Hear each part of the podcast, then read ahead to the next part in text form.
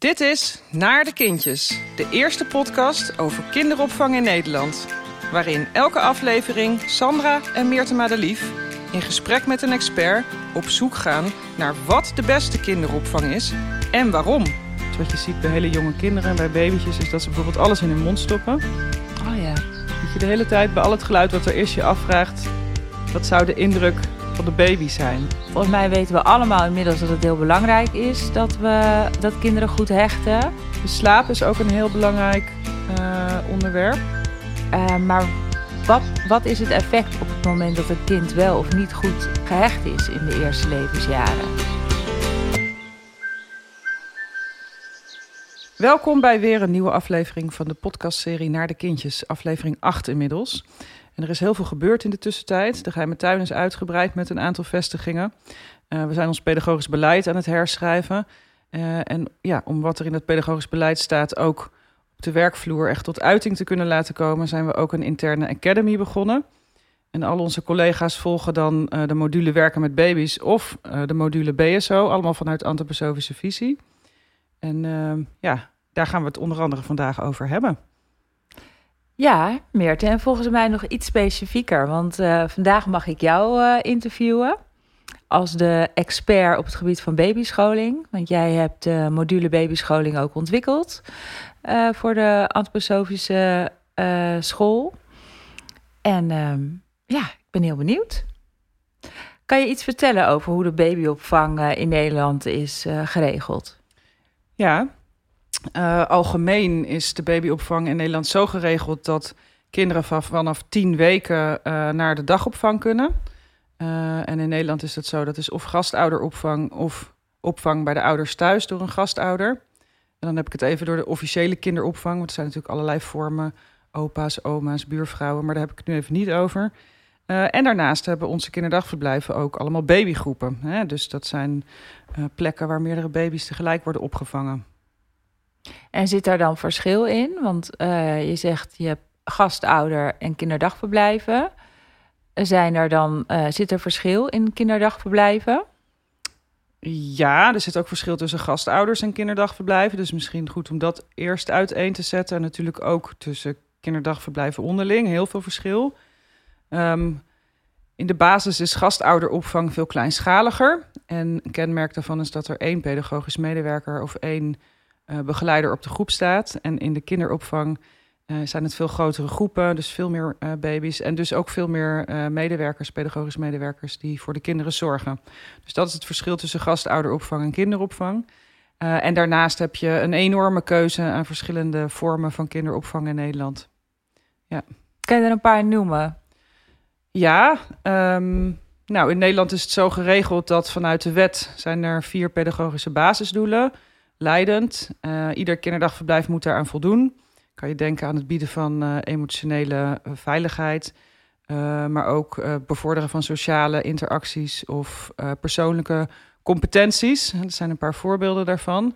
Dus daar moet iedereen aan voldoen. En vervolgens kan een kinderopvangorganisatie zelf bepalen hoe die dat doet. Dus de hoe, en daar komt ook de visie om de hoek kijken, bepaalt eigenlijk hoe dat er dan in de praktijk uitziet. Oh ja. En wij zijn een antroposofische kinderopvang, of de geheime tuin is een antroposofische kinderopvang. Hoe uh, is het hoe vertaald in een antroposofische kinderopvang? Als je kijkt naar uh, ja, de opvang in zijn geheel, dan um, kijken wij binnen de geheime tuin naar een aantal gebieden. En we zeggen buiten, biologisch en bewust. Dus dat zijn een aantal kenmerken die we eruit gepakt hebben.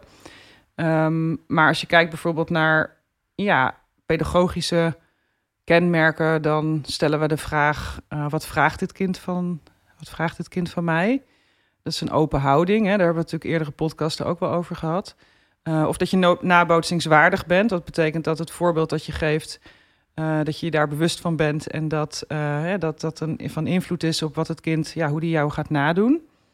Um, maar bij babyopvang kan je ook denken over uh, natuurlijke verzorging bijvoorbeeld. En dan denk ik aan uh, warmtehuishouding, uh, het kiezen van biologische of natuurlijke verzorgingsproducten.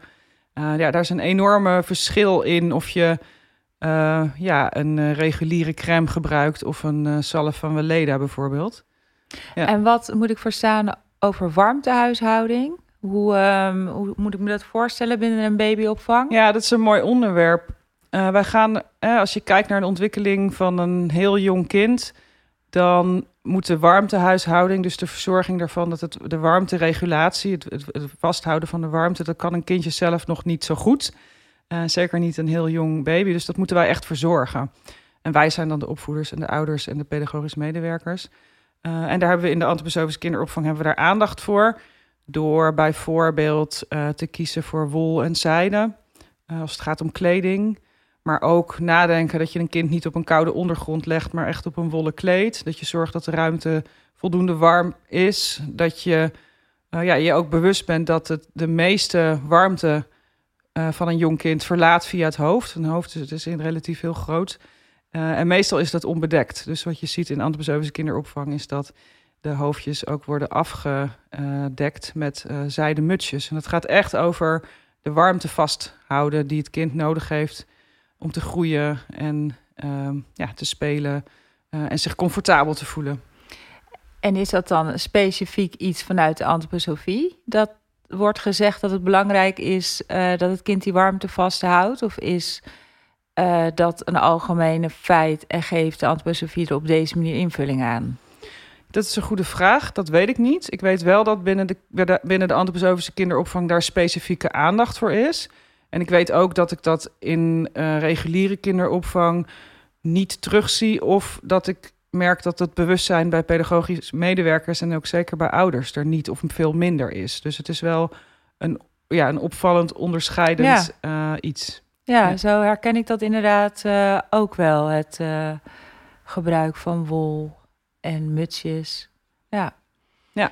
En daar hoort nog iets anders bij. Hè? Dus aan de ene kant gaat het dan over omhullen met uh, warme kleden, kleding. Um, maar ook de relatie, dus de interactie tussen de pedagogische medewerker en het kind is daarin heel bepalend. Hè? Want je hebt natuurlijk fysieke warmte, maar je hebt ook warmte in de relatie. Hè? Dus dat is ook warmte. Dat je het kind bij je op schoot houdt als je het voedt. In plaats van dat je het in een uh, wippertje zet uh, om het daar in een flesje te geven. Dan is er veel meer afstand. Dus het gaat ook over nabijheid, interactie. Uh, hechting, hè, dat het kind zich ook hecht in een ja, warme relatie eigenlijk met de opvoeder. Dus dat gaat nog wel iets breder dan ja. alleen maar uh, warm of koud. Kan je daar iets meer over vertellen? Want hechting in de eerste levensjaren, dat is iets wat we allemaal weten en dikwijls ook horen, hoe belangrijk dat wel niet is voor de verdere ontwikkeling van het kind. Ja. Hoe wordt er aandacht besteed aan hechting um, vanuit de antroposofische uh, visie kinderopvang? Ja, als je kijkt naar kinderopvang in het algemeen, dan is er, komt er steeds meer bewustwording op die hechtingsrelatie, hoe belangrijk dat is. En dan wordt er ook vanuit de wet, vanuit de wet kinderopvang, wordt daar rekening mee gehouden. Um, een voorbeeld is dat een paar jaar geleden mocht je met één pedagogisch medewerker vier of vijf babytjes verzorgen. Uh, en dat getal is kleiner geworden. Hè, dus dat zijn er nu nog maar drie van nul jaar. Of ik zeg maar, dat is nogal wat als je in je eentje drie kindjes van nul te ja. verzorgen hebt. Maar dat is wel hoe het geregeld is in Nederland. Um, en de andere is dat er hè, vanuit de wet wordt gezegd dat een uh, heel jong kind van nul jaar um, maar twee vaste gezichten of twee vaste gezichten in een week moet zien op een dagopvang. En dat heeft allemaal te maken met die hechting zodat er een duurzame relatie aangegaan kan worden met een opvoeder die dat kind veiligheid biedt, emotionele veiligheid, fysieke veiligheid, dat hij zich gezien, gezien voelt. Um, ja, en dat ook daar ook herkenning zit. Hè? Ja. Dus dat je elkaar gaat snappen, uh, op elkaar afgestemd raakt en ja, dat kind zich eigenlijk daar comfortabel bij voelt en zich ja, veilig voelt. Hè? Dus je hoort het woord veilig gehecht, ja. is ook iets wat ja, soms gezegd wordt, maar wat betekent dat nou eigenlijk en hoe doe je dat? Ja, dus dat is in Nederland, is daar iets, wordt er ook iets over gezegd vanuit de wetgeving. In de praktijk uh, is dat, uh, kan dat heel anders zijn dan dat het op papier staat. Ja, maar waar ik vooral heel benieuwd naar ben, is hoe je vanuit de antroposofie uh, daar aandacht aan besteedt, aan die hechtingsrelatie. Dus de wet die geeft aan uh, zoveel gezichten per baby, kleine groepen. Ja. Ik kan me voorstellen dat de antroposofie daar ook een hele sterke visie uh, in heeft, waar je uh, vanuit de kinder, een antroposofische kinderopvang je mee bezighoudt ja. bij babyopvang. Ja, als je spreekt over hechting, dan gaat het ja, in mijn beleving ook heel erg over bewustzijn dat je een hechtingspersoon bent voor, die, voor, voor dat kind hè, waar je voor zorgt. Um, en dan gaat het ook weer heel erg over de hoe. Dus bijvoorbeeld uh, als je op een babygroep aan het werk bent en je hebt een aantal kinderen te verzorgen.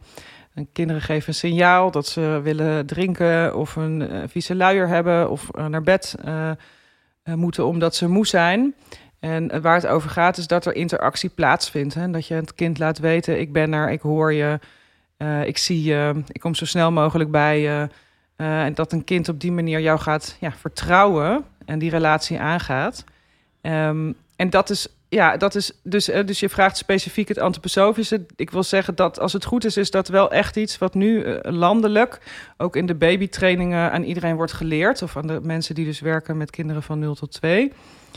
Voor 2025 moet iedereen zo'n module gedaan hebben om dat bewustzijn, die bewustwording daarop te vergroten. En het gaat ook over dat uh, op dat moment ook ja, een hele essentiële fase is van de hersenontwikkeling. Dus alle ervaringen die een kindje opdoet, zijn van invloed op de ontwikkeling van de hersenen uh, van het kind. En dat is weer bepalend voor de uh, fases daarna. En ja, eigenlijk voor het hele leven. Ja. Um, nou, concreet voorbeeld van de antroposofische kinderopvang, want daar vroeg je om. Uh, maar ik vind die algemene theorie ook belangrijk. Hè? Dus het is, ja. het is niet uh, dat hè, wij vangen natuurlijk baby's op, maar dat doen ze in een reguliere kinderopvang ook. Um, bijvoorbeeld het kind op schoot nemen uh, als je het voedt daar zie je echt wel soms verschillen dat kinderen aan tafel eten krijgen. Terwijl als je het kind op schoot hebt en je geeft het vanuit de omhulling en de aanraking, ook heel belangrijk hè, dat er fysieke aanraking is. Voeding, ja, dat draagt bij aan een positieve hechting. Uh, dat je er altijd bent, um, in woord, in aanraking, in toenadering. Dat je beschikbaar bent, dat je luistert ook naar wat het kindje werkelijk nodig heeft. Of dat je in ieder geval je best doet om te begrijpen wat, ja, wat er speelt. En ook heel belangrijk dat je meegaat, zeker in die eerste fase van de baby. Um, om niet jouw dagprogramma daarop te plakken, maar ook echt het ritme en de behoeften van de baby uh, daarin te, te, volgen. Dus de verzorgingsbehoeften. Uh, ja. En ook dat is wel iets wat we, nou in ieder geval binnen de antroposofische kinderopvang, op de plekken waar ik kom, wat ik zie is dat daar heel erg naar gekeken wordt dat je echt het individuele ritme van het jonge kind volgt. Anders dan op een peutergroep waar je veel meer een dagritme hebt. Ja, dat herken ik wel. Als ik inderdaad bij ons op de vestigingen kom, dan zie ik dat bij peutergroepen al echt ook een ritme is. Om zo laat gaan we uh, eten, om zo laat gaan we dat doen en een middagslaapje. En bij baby's loopt het eigenlijk helemaal door elkaar. De een die eet als de ander slaapt. En dus dat, lijkt me heel intensief voor de uh, pedagogische medewerkers, maar het ziet er wel heel erg afgestemd op elke baby apart uit. Is ja. dat wat je bedoelt? Ja, en dat je dat dus ook met elkaar afspreekt, dat je daar ruimte voor maakt. Um, en dat betekent dus dat um, iedere dag anders zal zijn. Ik, ik, heb voorbeelden uh, van kinderdagverblijven, dan niet antroposofisch, waar bijvoorbeeld echt de afspraak ligt tussen, uh, nou, tussen 10 en 12 slapen de kinderen of tussen tien en half twaalf. En smiddags nog een keer anderhalf uur. Uh, en dan moeten ook alle baby's in die tijd slapen. Uh, maar daarin ga je voorbij aan ja. de behoeften van dat specifieke ja. kind. En daar is best veel onderzoek naar gedaan. Wordt ook nog heel veel onderzoek naar gedaan met, met ja, in, in ieder geval op het gebied van hersenontwikkeling. Dat het uh, ja, stress kan opleveren bij baby's bijvoorbeeld. en als er te veel stress is, um, te lang, veel stress, dan is dat ook echt schadelijk voor de hersenontwikkeling. En daarmee ook schadelijk voor ja, allerlei andere ontwikkelgebieden, zoals motorische ontwikkeling, uh, sociale ontwikkeling. Uh, ja, dus dat gaat heel ver. Dus het, dus het echt goed afstemmen op, op de behoeften van een heel jong kind, dat is eigenlijk van levensbelang. Ja, en, en je, je, noemde net ook de hechting. Um, volgens mij weten we allemaal inmiddels dat het heel belangrijk is dat, we, dat kinderen goed hechten. Uh, maar wat, wat is het effect op het moment dat een kind wel of niet goed uh, gehecht is in de eerste levensjaren? Ja, er zijn natuurlijk heel veel voorbeelden van. Um, ja, je hebt verschillende hechtingstypen. Die, weet ik, die heb ik nu even niet allemaal paraat. Um, maar als een kind goed gehecht is, dan heeft het in ieder geval een positieve ervaring opgedaan in relatie tussen zichzelf en de wereld. Um, en dat het kind leert, uh, leert de, de, de wereld kennen door de ervaringen die hij opdoet, door de interacties die hij heeft, door de relatie die hij heeft met volwassenen en met andere kinderen om zich heen. En als dat op een gezonde manier ontwikkelt, dan, uh, ja, dan heb je daar de rest van je leven profijt van. We hebben daar ook met Louise Berghout over gesproken op het gebied van spelen uit onze podcastserie. Zij geeft daar ook best wel mooie voorbeelden over uh, op de verschillende ontwikkelingsgebieden. Maar dat betekent wel dat je je, ja, dat, daarom zeggen ze dat ook, hè, veilig gehecht, dat je je veilig moet voelen in, in essentie in jezelf in relatie tot de wereld. En als dat niet zo is, ja, dan heb je natuurlijk allerlei voorbeelden. Um, ja, hoe, hoe zich dat kan uiten. Het kan Ja. zijn dat je dan last krijgt in uh, het sociale uh, gebied. Dat het moeilijk is om je te verbinden met andere mensen. Doordat je daar een onveilig gevoel bij hebt. Of om bepaalde uh, relaties aan te gaan later in werk. Um, ja, dus dat kan allerlei hobbels opleveren. Uh, ja, in de rest Ja. van je leven. Klinkt ook Ja. een beetje alsof wanneer je het in de eerste jaren als positief mag ervaren. Het, en, het, en de hechting gaat goed. Dat je dan ook positiever naar de wereld kunt kijken. Vanuit veiligheid en vertrouwen. Is het een Absoluut. beetje. Ja. Absoluut. Ja. En ik ben, ik weet eh, niet of het helemaal met baby te maken heeft. Maar ik loop nu een beetje ehm, een tijdje mee in de antroposofische kinderopvang. En ik hoor regelmatig terugkomen dat eh, vier onderste zintuigen eh, in de eerste jaren van de ontwikkeling van het kind heel erg belangrijk zijn. Klopt. Ja, ook daar heeft Louise natuurlijk weer een aantal dingen over gezegd. Maar als je dat vertaalt naar babyopvang, hè, dan gaat het bijvoorbeeld over de tastzin. Dus de onderste vier zintuigen, dat zijn er vier van twaalf. Uh, vanuit de antroposofie wordt gezegd dat de eerste zeven levensjaar je in ieder geval bezig bent met die onderste vier. En dan van 7 tot 14 uh, met de volgende vier. En dan van 14 tot 21 met de laatste vier. Um, maar dat gaat wel altijd door. Dus als we bijvoorbeeld tastzin pakken. Ja, wat zijn de onderste vier? Dat moet jij weten inmiddels, hè? Want jij hebt Oh, die, uh, even die heel, opleiding uh, gedaan. Dus ja, geef maar een voorbeeld. Bewegingszin? Ja. Evenwichtszin? Ja. En levenszin. En Dat zijn ze volgens mij. Ja, klopt.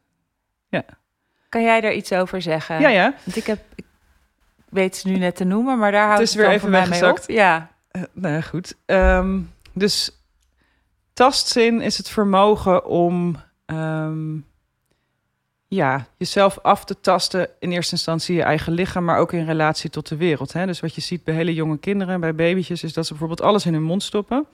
Oh ja. Um, alles wat er voorbij komt. En dan moet je dus ook uitkijken dat er geen kleine voorwerpen liggen omdat zij de behoefte hebben om dat allemaal in hun mond te Ja. stoppen. Wat ze doen op dat moment is het letterlijk aftasten van de wereld. Om, uh, s- ja, om die ervaring op te doen van uh, wie ben ik in relatie tot de wereld. Ze, hebben nog geen ik-bewustzijn, dat, dat komt later. Maar ze zijn wel aan het ontdekken. En eigenlijk moet je dat zoveel mogelijk toelaten dan, Ja. vanuit de antroposofie. Ja. Dus het moet wel Ja. veilig zijn, Ja. maar vooral, ja. Ja. En levenszin? Ja, dat is een mooi zintuig. Levenszin. Het heeft eigenlijk al het woord in zich, hè? dat je zin hebt in het leven. Dat, dat, dat je je vitaal voelt, dat je je eh, prettig voelt. Ehm, en daar zit ook dus een relatie met die warmtehuishouding waar ik het net over had. Dat als ja, je opvoeders ervoor zorgen dat je het niet te warm of niet te koud hebt, dan voel je je prettig. En dat wordt nog verzorgd dus door de opvoeder. Dus die levenszin Oh, ja. wordt, ja, dat, dat, is, dat is iets wat er is in de ervaring. Maar het is dus heel belangrijk dat je als opvoeder daar ook zorg voor draagt. Ja, net als dat jij zegt nu net bij die tastzin, dat, dat ze alles in hun mond mogen stoppen, moet je dus voor zorgen dat alles wat binnen bereik ligt ook, dat ze dat ook in hun mond mogen stoppen. Dus bijvoorbeeld in de reguliere opvang wordt veel eh, aandacht besteed aan sensopathisch spel. Dat is nu zo'n term die je overal voorbij ziet komen gericht op de zintuigen. Nou, we hebben het nu echt over de zintuigen. Um, en wat er dan bijvoorbeeld gebe gebeurt, uh, is dat ze uh, op een babygroep bijvoorbeeld werken met scheerschuim. Nou, ik moet er dan, ja, ik krijg daar kriebels van omdat als je dat in relatie trekt tot waar we het nu net over hebben, hè, dus dat dus ja, ze gaan daar iets aan ervaren, maar ze mogen dat dus niet in hun mond steppen. Dus je kan je al het tafereel bedenken dat, Ja, eh, dat er dus de scheerschuim op tafel wordt ge- gedaan, dat de babytjes daar met hun handen in zitten, dan vervolgens de beweging naar hun mond maken om het in hun mond te stoppen. Wat een heel natuurlijke beweging is, want Dat willen ze. En dan roepen al die pedagogisch medewerkers: nee, niet doen. Ja, dus, Ja. dus dat is dan, dus dat, dat, dat is iets wat je nooit terug zou zien in de antroposofische kinderopvang. Nee. Als we met sensopathisch spel bezig zijn, moet je veel meer denken aan dingen die ze wel in hun mond mogen stoppen. Ehm, natuurlijke materialen, als je werkt met voeding bijvoorbeeld. Eh, ja, weet je wel, dus dat je het echt heel dicht bij de aarde houdt. Of eh, veilig speelgoed, eh, ronde houten blokken, ehm, ja, veilige rammelaars, verschillende stofjes van natuurlijke materialen. Dus Is- ook weer is dit wol ook dit het- soort... eh, het beeld wat ik soms wel eens zie, dat die kleintjes echt met zo'n bakje met yoghurt, hoe klein ze al zijn, en een lepeltje, lepeltje dat helemaal overal eh, in hun mond eh, proberen, en dat al die gezichtjes eronder zitten. Ja, want spel is het ontdekken van de wereld. Dus Ja. dat sensopathisch spel wat we, aan, hè, wat we aan willen bieden, dat doen ze eigenlijk zelf al als je het Ja. voor ze neerzet. Hè? Dus het knijden met eten of het, inderdaad de yoghurt die overal zit of het mogen vies worden buiten in de modder. Ja. En, en wat zijn nou nog meer antroposofische kenmerken binnen een antroposofische kinderopvang? Babyopvang, Babyopvang. specifiek Ja, bedoel je? Ja. babyopvang, ja. Mm, gezonde voeding. Daar hebben we natuurlijk ook al een aflevering over gemaakt. Ja, met eh, Kirsten Toezet van de Kleine Keuken. Ehm, ook daar is weer het antwoord dat het dicht bij de natuur is. Dus de moedermelk of dat je gebruik maakt van biologische voeding of biologisch dynamische voeding zonder eh, geur, eh, smaakstoffen. Ehm, ja, of antibiotica bijvoorbeeld in de, in de zuivel. Eh, dat is een heel belangrijk kenmerk. Dus het opbouwen van het fysieke lichaam middels ook gezonde bouwstenen, letterlijk wat erin gaat, gezond. Ja. Bouwt mee aan het fysieke lijf. Dat is een heel belangrijke. Eh, voldoende slaap. Dus slaap is ook een heel belangrijk eh, onderwerp. En eh, kinderarts Edmond Scorel die heeft daar een hele mooie quote voor. En dan zegt hij: Moe word je vanzelf en slapen moet je leren. En dat is ook, vind ik wel kenmerkend voor ja, hoe deze tijd is. Dus ook gewoon even in de volwassenen, naar de volwassenen kijkende. Iedereen is moe, of moe op een ja, dieper niveau, of gewoon ik ben moe door alles wat er gebeurt. Eh, en de kwaliteit van slaap is niet op zijn best door alle sociale media en alle prikkels en te hoog dopamine als we gaan slapen. Ehm, maar we zijn daarin wel het voorbeeld van onze kinderen. Dus eh, moe worden kinderen vanzelf en slapen moeten ze leren. We moeten ze helpen leren in slaap te vallen. Door de opvang zo in te richten dat, ehm, ja, dat die omstandigheden goed zijn. Nou ja, op een babygroep bijvoorbeeld betekent dat dat je na drie uur geen eh, activiteiten meer gaat doen. Dus een, een activiteit voor een baby is al dat het, eh, dat het eet. Eh, of dat, dat het meedoet ehm, in de beleving van een liedje zingen. Dus het is heel belangrijk dat je na drie uur zorgt ja, de, de opvang rustig of de omgeving van de baby rustig te laten, zodat het s'avonds makkelijker in slaap valt of makkelijk in slaap valt. Ehm, en er zijn ook vijf kenmerken of vijf voorwaarden binnen de antroposofische kinderopvang waar we naar kijken als het gaat om slaap. En heel belangrijk is een voorspelbaar dagritme, ehm, maar ook voldoende beweging. Dus als een baby niet voldoende beweging heeft, dan zal het moeite hebben met in slaap vallen. Nou, dat, dat weet je misschien zelf ook wel. Als je Ja. lekker gesport hebt, en dan moet je niet meteen na het sporten in bed gaan liggen, want dan zit je nog eh, vol in je energie. Ja, je adrenaline. Maar zeker daarna kan dat bijdragen aan dat je een betere slaap eh, hebt. Nou, dat geldt voor baby's net zo. Ze moeten voldoende bewegingsruimte hebben. Dus niet vastbinden in eh, een maxi-cozy of een, eh, een triptrapstoel. Dat ze, dat ze daar niet te lang in zitten. Ze moeten echt vrije bewegingsruimte hebben. Ehm, ja, voldoende tijd en rust nemen voor een maaltijd. Maar ook zorgen dus dat het een voedende maaltijd is. Dat het lijf er ook echt iets aan heeft. Eh, maar weer, weer niet te lang aan tafel zitten. Dus de tijd ervoor nemen die het kind nodig heeft om de maaltijd te nuttigen. En dan ook weer eh, lekker laten bewegen. Maar hoe weet je dat bij een baby? Dat je niet te lang aan tafel zit en dat het voldoende beweging krijgt? Want dat is heel lastig omdat... ehm, Ja, nou, hoe, hoe heb jij dat met jouw kinderen gedaan? Of hoe doe je dat met jouw kinderen? Nou, ik denk dat ik vooral heb geprobeerd de signalen op te pakken. Dus er zit, uh, ik bij mijn kinderen uh, hoorde ik wel verschil in huiltjes. Soms was het een huiltje, ik krijg mijn zin niet en ik wil wat anders. Soms was het vermoeidheid. Ja, precies. Dus goed luisteren en kijken naar wat het kind nodig heeft. En ook daar weer in zijn we geneigd als volwassenen om een bepaald moment te kiezen met een begin en een eind. Um, en wat voor hele jonge kinderen belangrijk is, is dat je ingaat op het moment dat het kind ja, aangeeft dat het honger of dorst heeft. Um, en dan het aanbiedt in zijn eigen tempo. Dus Emmy Pickler heeft daar ook uh, um, ja, mooie dingen over gezegd. Het is een, een tijdgenoot van Rudolf Steiner. En zij was een uh, kinderarts en zij werkte in een, uh, ja, in een, in een, um, in een weeshuis met, met hele jonge kinderen. Uh, zij heeft het heel praktisch gemaakt. Dus dat waren echt baby's, dreumes en peuters. En zij heeft een, ja, een werkwijze ontwikkeld waarin kinderen tot drie jaar eigenlijk zelf bepalen wanneer ze gaan eten. En vanaf drie jaar ze eigenlijk pas in de, in de groep deelname aan die maaltijd. En wat we zien natuurlijk bij ons in onze cultuur is dat kinderen vanaf het begin af aan meedoen aan de maaltijd. Maar misschien is dat helemaal niet het moment waarop uh, ja, de baby dorst heeft of honger heeft. Dus dat is gewoon goed kijken en goed, uh, goed afstemmen. Hè, wat jij ook zegt. Ja. ja. Um, nou, ook een hele belangrijke is voldoende één op één aandacht. Dus tussen de volwassene en uh, de baby. En in de kinderopvang zijn er een aantal momenten heel geschikt voor. En een daarvan is bijvoorbeeld het verschoonmoment. Als je echt met aandacht met, bij het verschonen bent, dan kan je heel veel interactie hebben op dat moment. En als je dat ook nog eens een keer heel rustig doet, dus vertraagt in je handelingen en je spraak naar de baby, dan geeft het kind ook daar de gelegenheid om daarop te reageren. Uh, het zal je verbazen dat als je bijvoorbeeld een kindje van zes maanden echt rustig verschoont en je bent daarmee in interactie uh, en je zegt van ik ga je nu verschonen, uh, ik ga je broek aantrekken, hier het ene been, hier het andere been, dan zijn we geneigd om dat heel snel te doen of om ja. dat te doen. Maar er zijn gewoon superveel voorbeelden waarin het kind dan zelf zijn ene been uitstrekt en vervolgens zijn andere been, waarop jij dan vervolgens de broek aan kan doen. En dat vraagt dus ook ja, van jou dat je daar de rust en de tijd voor neemt. Um, maar dat geeft het kind de ruimte om te leren, te ontwikkelen en ook om het zelf te doen. Dus om ja, die interactie daar, ja, dat dat ook in evenwicht is. En dat zal je dan verbazen dat hele jonge kinderen dus eigenlijk heel veel al kunnen. Ja, waar we eigenlijk goed. overheen bewegen. Ja, ook wel goed dat je dat zo zegt. Want ik kan me voorstellen dat het echt zoiets van... oh, uh, deze moet een schone luier, die moet een schone luier. Maar op het moment dat je het echt als een kwaliteit één op één moment ziet... Ja.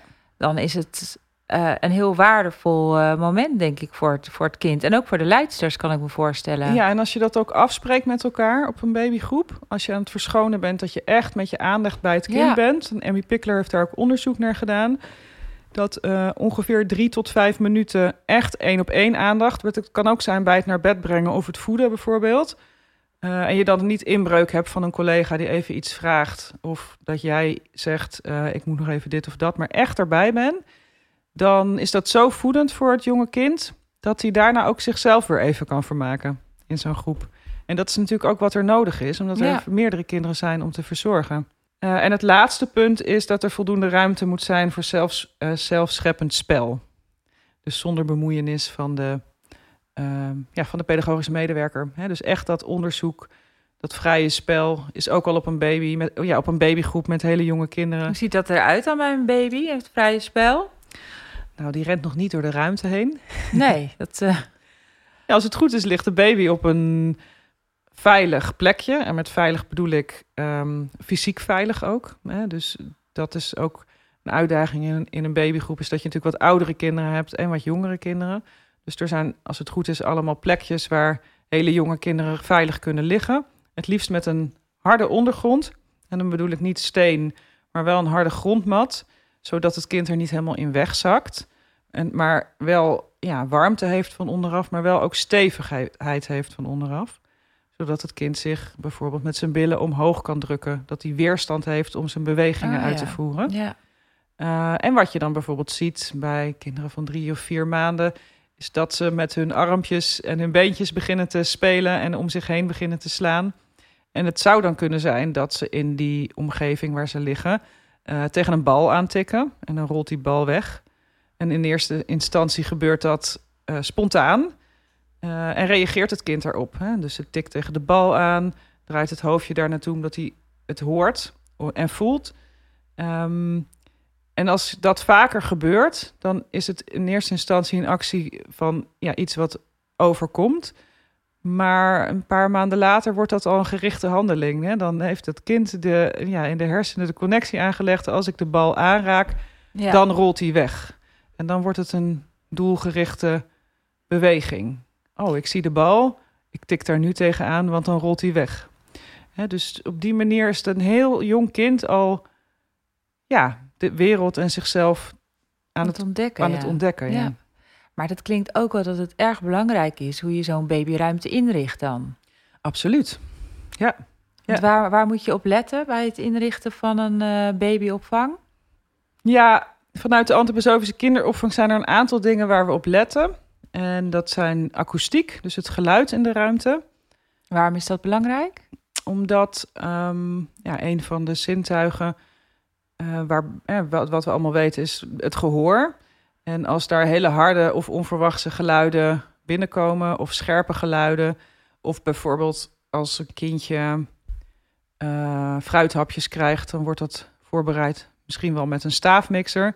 Dat je dan als pedagogisch medewerker bewust bent dat je dat niet op de groep doet waar de baby's zijn, maar in de keuken. Omdat zo'n heel hard lawaai voor een kind heel hard binnenkomt. Ja, oké. Uh, maar dat betekent ook dat je uh, stoffen, doeken hebt hangen om het geluid te dempen. Ja, het is een, een omhullende omgeving ook in geluid. Ja. Dat betekent ook dat je kiest voor zelf zingen of voor een xylofoon tijdens het ochtendbegin. Dat je de hele tijd bij al het geluid wat er is je afvraagt... wat zou de indruk van de baby zijn? Het moet zacht zijn. Ja, ik heb in de opleiding ook een oefening. En dus in na les 1 is dat de studenten zichzelf als baby voorstellen... en dan vijf minuten ook in zo'n babyruimte gaan liggen... Nou ja. Uh, en dan is de vraag van, oké, jij bent nu de baby en wat hoor je, wat zie je, wat voel je, wat valt je op? Ja, dan krijg je allerlei indrukken terug en allemaal eye-openers van, oh ja, het licht. Hè, dus verlichting is ook een, is het tweede belangrijke punt. Uh, het geluid, uh, of nou, het voelt toch wel koud of het voelt groot. dus die hele, ja, het gaat ook weer, kan je in de huid kruipen van het hele jonge kind en je daarin verdiepen. Ja, dus het is akoestiek, uh, geluid, licht en kleurgebruik ook. Ja, dus ook weer het verschil tussen scherpe, harde, felle kleuren of pastelkleuren. Ja, we gebruiken bijvoorbeeld van die zoutlampen. Hè. Daar komt zo'n lekker warm licht komt daaruit. Ja. ja. En is dat dan ook waar ouders op moeten letten als ze op zoek gaan naar goede opvang? Dat kan als het. Ja, het, het, je kan het natuurlijk op verschillende manieren bekijken. Wat ik altijd zeg aan ouders die bij ons in de kinderopvang komen, is: wat vind je zelf belangrijk? dus, dus zoek iets wat klopt voor jou, in jouw gevoel, in jouw beleving. Um, past dit bij me? Past dit niet bij me? Um, maar wij zijn niet de enige die dit zegt. Dus uh, mevrouw Rikse Walraven, die die vier pedagogische basisdoelen voor de wet kinderopvang heeft ontwikkeld, die geeft ook deze uh, kenmerken aan. Hè? Dus akoestiek, kleur en um, verlichting. Dat dat heel belangrijk is. En ze zegt, hè, dat gaat bijvoorbeeld in de antroposofische kinderopvang gaat het goed. Dus als je het, ja, als je het kijkt vanuit bredere beschouwing, dan zijn dat wel punten ja, waar je naar kan kijken. Ja. En stel nou dat je een kerstverse moeder bent, wordt en vader, ouders. Ja. Ehm, waar moet je beginnen? Wat je zegt, zo, je zei net, uh, wat vind je zelf belangrijk? Ja. Uh, maar hoe kom je erachter wat je zelf belangrijk vindt voor je kind? Ja, ik zou zeggen, vertrouw op je intuïtie. En dat gaat voor het denken uit. Ja, dus het krijgen of het ontvangen van een baby is iets heel puurs. Iets heel, ja, iets heel puurs. En als je daar echt verbinding mee kan maken, dan voel je wat de bedoeling is. Ja. En als je daar niet bij kan, of niet meer bij kan, uh, dan is het wel goed om onderzoek te doen naar wat vind ik belangrijk, hoe wil ik mijn leven inrichten, uh, wat vind ik belangrijk voor mijn kind. En ook als je dat niet weet, dan is het belangrijk om daarover te gaan lezen. Wat hebben hele jonge kinderen nou eigenlijk nodig? En wat zou mijn rol daarin zijn? Ja. Hoe heb Ja. jij dat eigenlijk gedaan toen je op zoek ging naar kinderopvang? Nou, ik was niet daar zo sterk mee bezig. Ik was me ook niet bewust, moet ik zeggen, dat er zoveel eh, verschil was. Een kinderopvang was voor mij een kinderopvang. En ehm, heb het denk ik het eerste jaar ook zoveel mogelijk bij eh open oma gebracht. Oh ja, en waarom heb je dat gedaan? Ja, omdat het toch eh, je kostbaarste bezit is. Was En- dat dan die intuïtie? Ik denk het, ja. Ik denk dat ik het zo lang als mijn ouders het konden, hebben we het bij mijn ouders eh, gedaan. Als we het zelf eh, niet konden doen. Pas toen het wat ouder wordt, het gevoel dat het wat sterker is. Misschien wel onbewust tegen al die prikkels. Zonder dat ik me heel bewust werd van prikkels en hoe belangrijk dat is voor een kind. Denk ik dat ik misschien inderdaad automatisch dacht van het moet wat sterker zijn en meer gewend zijn voordat ik het in zo'n omgeving ehm, plaats. Ja, en hoe was dat dan voor jou toen je jouw oudste voor de eerste keer naar een kinderdagverblijf bracht?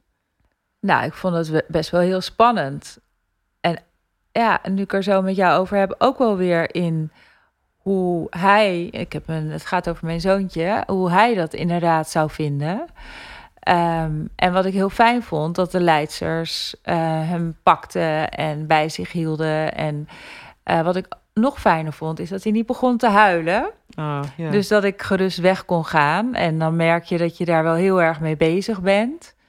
Eh, maar op het moment dat je het ehm, dan ook weer ophaalt, je, je kind, en je merkt dat het een leuke dag en een fijne dag heeft gehad, ehm, ja, dan, dan is het ook goed. En ja, ik denk dat dat belangrijk is. En wat ik heel fijn vond, is dat eh eh, leidster even tijd voor je neemt om te vertellen hoe jouw kind het heeft ervaren en hoe het was. En als Ja. dat allemaal klopt, Ja. dan is het goed. En je zei net van dat je er op dat moment in je leven niet zo echt over nagedacht had of je er niet zo mee bezig was. Als je daar nu op terugkijkt, zou je het dan anders doen?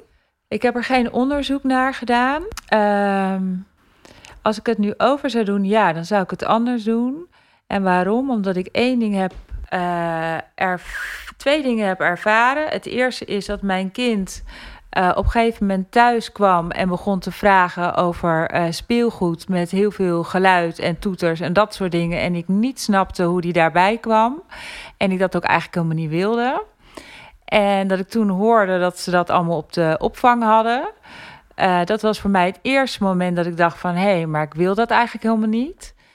Ehm, en het tweede moment eh, was toen ik eh, nou, de antroposofische kinderopvang ontdekte... doordat ik er zelf ging werken. En dus merkte dat dat stuk eh, daar nooit zou zijn gebeurd. Dus ik denk dat als ik aan de voorkant wist dat je keuze hebt... Ja. dan had ik misschien daar wel anders in gekozen, ja. En heeft dat dan ook met bewustwording te maken van waar je nu staat ten opzichte van toen? Als het gaat om opvoeden en kinderopvang? Ik denk dat ik toen het nodig had om juist niet te veel onderzoek te doen... om dicht bij mezelf te kunnen blijven en mijn kind op dat moment. Hmm. Iedereen eh, vindt wat over opvoeden. De boeken zijn, eh, zijn stapels. Elk boek zegt wat anders. Dus ik heb er bewust voor gekozen om me niet heel erg te verdiepen in allerlei boeken over opvoeden. Om vooral zelf te kunnen voelen wat ik denk dat goed is. Ja, mooi. En daar heb ik geen spijt van. Ja, mooi. Dus je zegt eigenlijk dat je daarin dus heel erg dicht bij jezelf bent Ja. gebleven. Ja. Ja, Ja, nou, dat is wel een mooi bruggetje naar de volgende aflevering die we willen gaan maken, denk ik. Als het gaat om eh, het gesprek met Elisabeth de Koning. Daar gaat het ook heel erg over dicht bij jezelf blijven en van daaruit het leven beleven, maar ook het ouderschap. ja. Ehm, ja, dus daar ben ik heel benieuwd naar. Ik wat, eh, wat, wat, ja, wat zij ons daarover over gaat vertellen. ja. Heb je nu een beetje een beeld van babyopvang, antroposofische babyopvang? Ja, Heb je wat geleerd? Ja, ik heb wel wat geleerd. Vooral de, de bewuste inrichting, het prikkelarme omgeving. En dat eigenlijk het ontdekken en ervaren daar al begint. En wat ik mooi vond om terug te horen is hoe belangrijk het is dat zelfs een baby al ehm, mag ontdekken en mag ervaren. En dat je dat eigenlijk zo, zoveel mogelijk ook moet kunnen bieden als het gaat om eh, een goede ontwikkeling voor het kind, voor de Ja. baby. Ja, en daar ook de ruimte en de tijd voor heeft. Ja, Ja. ja. ja. Dat willen we allemaal graag, hè? Ruimte en tijd. absoluut. Ja. Kijk, maar beter jong leren, toch? Nou, volgens mij zijn we daarmee aan het einde van deze aflevering. Ja, En eh, ik heb er heel veel zin in de volgende. ja, weer een stapje verder in ons onderzoek. Zo is het. Dankjewel. Jij ook. Vond je dit een leuke podcast? Abonneer je dan. Heb je opmerkingen? Zet ze in de recensies. Heb je een vraag? Stuur dan een e-mail naar podcast.kinderopvang-in het midden degeheimetuin.nl Graag tot de volgende keer.